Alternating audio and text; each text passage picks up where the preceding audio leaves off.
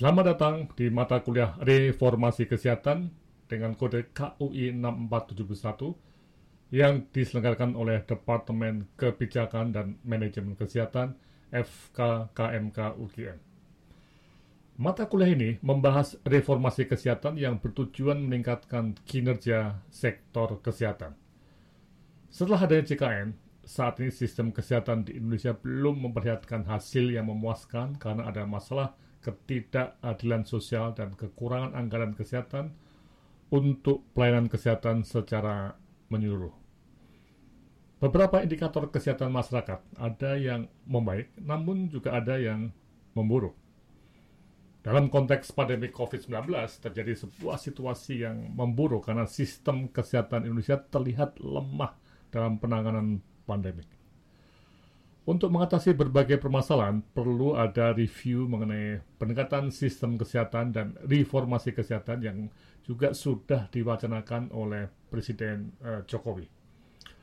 Oleh karena itu, kerangka konsep reformasi kesehatan yang dibahas oleh Universitas Harvard sejak 20 tahun lalu perlu ditengok kembali. Tidak hanya sistem kesehatan secara keseluruhan, tapi juga apakah masalah COVID-19, KIA, TB, kesehatan jiwa, kesehatan jantung, dan lainnya memerlukan pendekatan reformasi sektor kesehatan. Untuk pemahaman ini, kuliah ini disusun atas tiga modul. Yang pertama adalah pendekatan teoritis terhadap reformasi sektor kesehatan, di mana kita akan mengacu kembali pada berbagai tulisan yang ada di Universitas Harvard sejak 20 tahun yang lalu. Dan yang kedua, akan ada workshop untuk melakukan diagnostik dan mengembangkan kebijakan. Dan ini uh, akan ada dua submodul yang 2A untuk latihan diagnostik dan 2B untuk latihan pengembangan kebijakan yang reformis dengan lima kontrol kebijakan.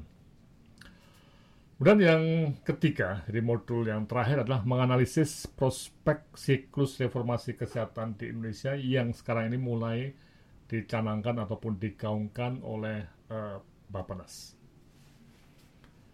Kegiatan perkuliahan ini akan dilakukan dengan menggunakan blended learning.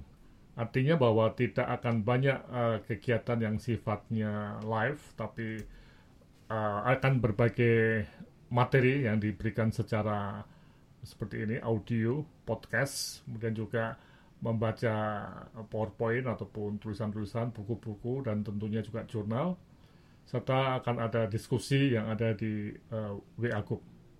Nah, karena itu, mari kita pergunakan kesempatan ini untuk belajar dengan sebaik-baiknya. Silahkan mengikuti. Terima kasih.